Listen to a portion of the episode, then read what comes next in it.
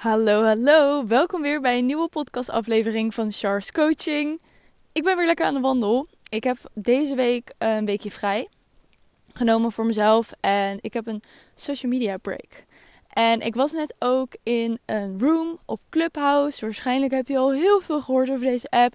Misschien voel je je al buitengesloten omdat je een Android hebt. Want deze app is alleen beschikbaar voor iPhone-gebruikers. Wat mij heel erg ja, vervelend zou lijken als ik een Android zou hebben. Dat zal al de reden zijn dat ik überhaupt een iPhone zou kopen.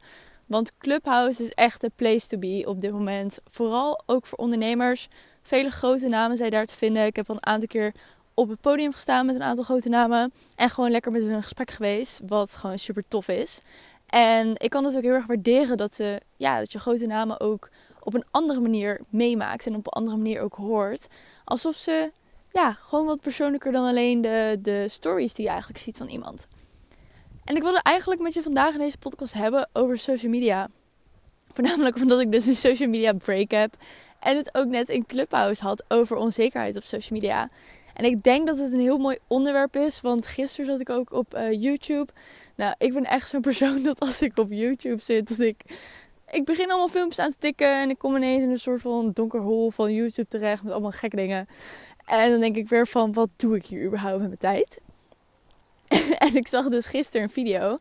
Wat ik wel weer... Kijk, ik vind die video's heel leuk. Dat er van die YouTubers zijn die dan een bepaald programma kijken. Van TLC bijvoorbeeld. Waarin ze echt hele gekke dingen bespreken. Nou, oké, misschien niet heel gek, maar vooral hele grappige dingen. Hola. Hoe je bent. Um, ik zit trouwens op Ibiza in Spanje, vandaar dat ik Spaans praat. Voordat iemand niet weet wie ik ben en dat ik op Ibiza zit en denkt... waarom praat je Spaans tegen iemand? Maar um, YouTube. Ik vind dus die video's heel erg leuk dat iemand dus iets vertelt over een programma. En ik zat er dus voor het gisteren eens te kijken waarin het een soort van Holler Than My Daughter versie was van in Amerika en dat iemand daarop ging reageren. Daarna ben ik dus meerdere films van haar gaan kijken waarin ze dat deed. Ook een vlog had ik van haar gekeken. En wat mij opviel was, dit meisje was denk ik 18, 19 of zo. En zo ontzettend onzeker. Dat was gewoon niet te doen. Ze zat zichzelf de hele tijd naar beneden te halen. Ze zei van, ze had een heel klein neusje. Ze zei, ja, ik wil ook zo'n neusje als, uh, hoe heet die? Hoe heet ze ook weer? Bella Hadid. Volgens mij is dat iemand van TikTok of Instagram. Ik heb geen idee wie dat is eigenlijk. Sorry als je nu denkt zo van, weet je niet wie dat is? Ik heb echt geen idee. Zei ze van, ja, ik wil zo'n neusje hebben. En toen liet ze een foto daarvan zien. En toen keek ik echt van, maar dat, maar dat heb je al. Zei ze van, ja, daarom zou ik echt een nose willen. Of ja, kijk maar niet naar mijn oren, want ik heb van die puntoren. Oh, ik zou eigenlijk ook wel een uh, borstvergroting willen hebben. Allemaal van dat soort dingen. Waarin ze dus eigenlijk ook uh, een vlog had. Dat ze haar foto's ging bewerken voor Tinder als grap. En op het moment dat ze dat deed, zei ze: Ja, ik voel me al onzeker. Nu word ik nog onzekerder. Waarom doe ik deze vlog überhaupt?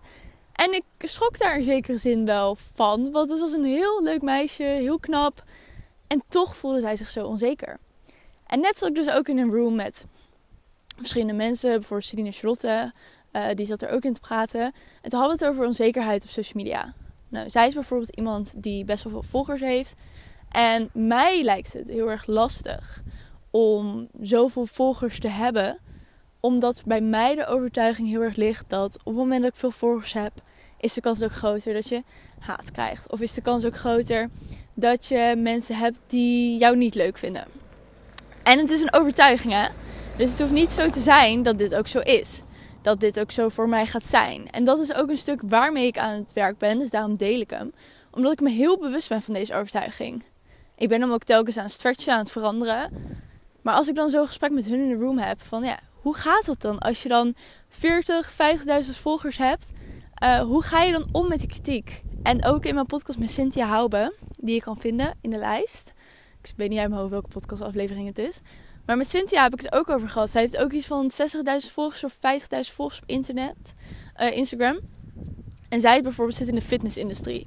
Sowieso een lastig onderwerp, want iedereen vindt altijd wel wat van je, van je lichaam. En toen zei ze ook van ja, maar op een gegeven moment moet je jezelf gaan loskoppelen van al die overtuigingen, van alles wat iedereen van je vindt. Want er is altijd wel iemand die iets van je vindt. Je gaat het nooit goed doen. Je gaat het nooit perfect doen voor die mensen, voor hun wereldbeeld. En er is ook zo'n meisje op YouTube die 4 miljoen volgers of 4 miljoen, hoe noem dat, subscribers had ze op YouTube. En dan ben je 18 en ben je onzeker. En heb je, ben je super moois aan het doen, ben je super leuks aan het creëren. En alsnog vergelijk je met onrealistische plaatjes. Dan was ze bijvoorbeeld haar lichaam aan het editen. Had ze um, de heupen had een beetje geëdit. En ze had een sixpack bij zichzelf gemaakt en haar borsten groter gemaakt. En toen zag je zo de before en after. Zei ze, oh juist dit soort foto's laat me dan twijfelen of ik niet iets aan mezelf moet veranderen. En ik vind dat zo bizar om te bedenken dat er dus generaties onder ons zijn die hiermee opgroeien. Die gewoon letterlijk als ze één jaar oud zijn of een zes maanden oud een telefoon in de hand geduid krijgen. Zo van hier, ga maar hier naar kijken, want dit gaat je wel vermaken. Dat we dus een generatie krijgen die opgroeit met onrealistische beelden. Ook nu al dat er onrealistische beelden zijn. In Clubhouse had ik net bijvoorbeeld over dat, um, dat er gewoon mensen zijn, ondernemers. Toen ik net straks een ondernemer was, vond ik het heel erg lastig om te zien van... Oké, maar waar begin ik en waar mag ik gaan staan? Want er waren zoveel mensen die zeiden... Oh, ik heb in drie maanden dit behaald. Of in zes maanden heb ik 20k omzet gemaakt. Of oh, ik help je met, wel met 10k omzet maken of iets dergelijks. Dus aan het begin van mijn ondernemersjourney, wat nu ongeveer een jaar geleden of zo is, had ik heel, heel erg het gevoel dat ik telkens iets in die trant moest behalen. Wat natuurlijk niet hoeft, maar dat is wel het beeld dat, dat, dat ik van mezelf had gecreëerd door social media. Door telkens dezelfde berichten te zien, door telkens dezelfde thema's voorbij te zien komen. En ik heb ook daarom bewust, nu sta ik überhaupt op nul mensen die ik volg, maar ben ik daarom bewust maar heel weinig mensen gaan volgen. Ongeveer 40 was het toen omdat ik gewoon heel bewust wil zijn, wat voor content neem ik tot me op? Hoe laat die content mij voelen? Superleuk. Ik heb echt hele leuke banden op social media opgebouwd. En dat ik ze niet volg, betekent niet dat ik ze ineens niet aardig vind. En hopelijk vinden ze mij ook nog steeds aardig. Denk het wel. Ik heb hier wel gesprekken gehad over met mensen. Die het juist bijvoorbeeld heel knap vonden van... Oh, kan je zo weinig mensen volgen? Vind ik echt bijzonder. En dat ik zat van ja, maar ik ben gewoon super bewust bezig de laatste tijd. Vooral omdat mijn werk op social media is. Welke content laat ik toe? Wat doet die content met mij? En ook niet het ontwijken door uh, ineens niemand te volgen. Maar het vooral aangaan van hé, hey, waarom trigger deze persoon dit bij mij? Wat gebeurt er in mijn innerlijke wereld dat ik mij bezighoud met wat hier gezegd wordt? Of wat die persoon behaald heeft? Of welke successen deze persoon heeft? En ik vond dus heel erg mooi dat, uh, dat er dus ook werd gezegd in die room van ja, maar je kan ook naar die mensen gaan kijken en denken, hé, hey, hoe kan ik mezelf stretchen om ook zoiets te bereiken? Of uh, ook juichen voor andere mensen hun successen. En ik zou nog even terugkomen op het feit waarom ik nu nul mensen volg. Wat ik gewoon even tijdelijk doe. Omdat ik heel erg merkte dat social media het zo erg hetzelfde aan het worden die doet dit. Die doet precies hetzelfde als dat. Die doet ook weer dat. Oh, daar heb je weer zoiets. Het is gewoon echt kopiëren plaatjes van elkaar. En ik raak daar totaal niet geïnspireerd door. Ik zit dan door mijn feed te scrollen en denk ik, ja, superleuk, weet je wel. Maar ik, word, ik ga hier nou niet bepaald aan van. En ik ben hier om te creëren. Voor jou. En niet om te consumeren. Dus ik heb bewust even mensen, alle mensen ontvolgd omdat ik gewoon in mijn eigen creatie en inspiratie wilde gaan zitten. En ik ga natuurlijk ga ik later wel weer mensen volgen. En af en toe stuur ik wel een berichtje van... Hé, hey, waar hou je mee bezig? Maar we moeten, we moeten niks. Maar ik kan je wel voorstellen om na te gaan denken... Wat doet social media met mij? Wie volg ik allemaal? En wat doet die content met mij? Hoe voel ik me door die content? Je online wereld neem je mee in je offline wereld.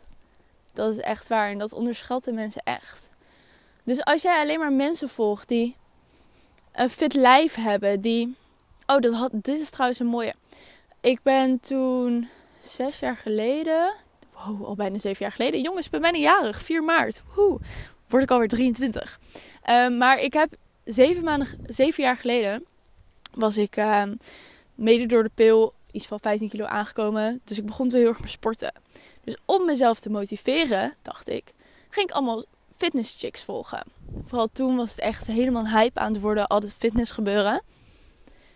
Maar wat het met me deed, wat ik nu achteraf weet, is dat het me alleen maar onzeker liet voelen. Want op het moment dat ik op mijn telefoon zat te scrollen, zag ik al die mooie lijven. Al die mensen die bezig waren met voeding. Dit en dat en zus en zo. En ik vergeleek mezelf telkens met, ja, maar ik ga ook naar de sportschool. Moet ik er ook niet dan nu eindelijk een keer zo uitzien?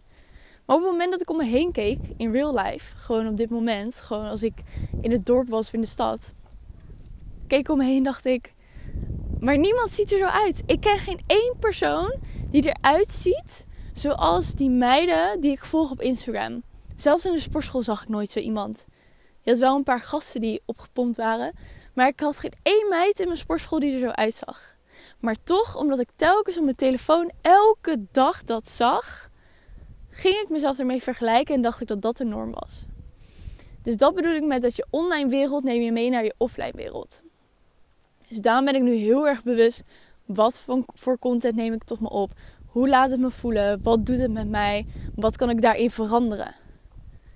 En ik weet ook nog, volgens mij was het in november, ergens in de winter, volgde ik ook nog 350 mensen of 400 mensen, zeg een leuk getal, op Instagram. En toen zag ik bij iemand anders van, hey, zij volgt maar 40 mensen, hoe doet zij dat? Gesprekje gehad en toen zei zij dat dus tegen mij, Ursani, zo heet ze op Instagram, hele leuke chick om te volgen.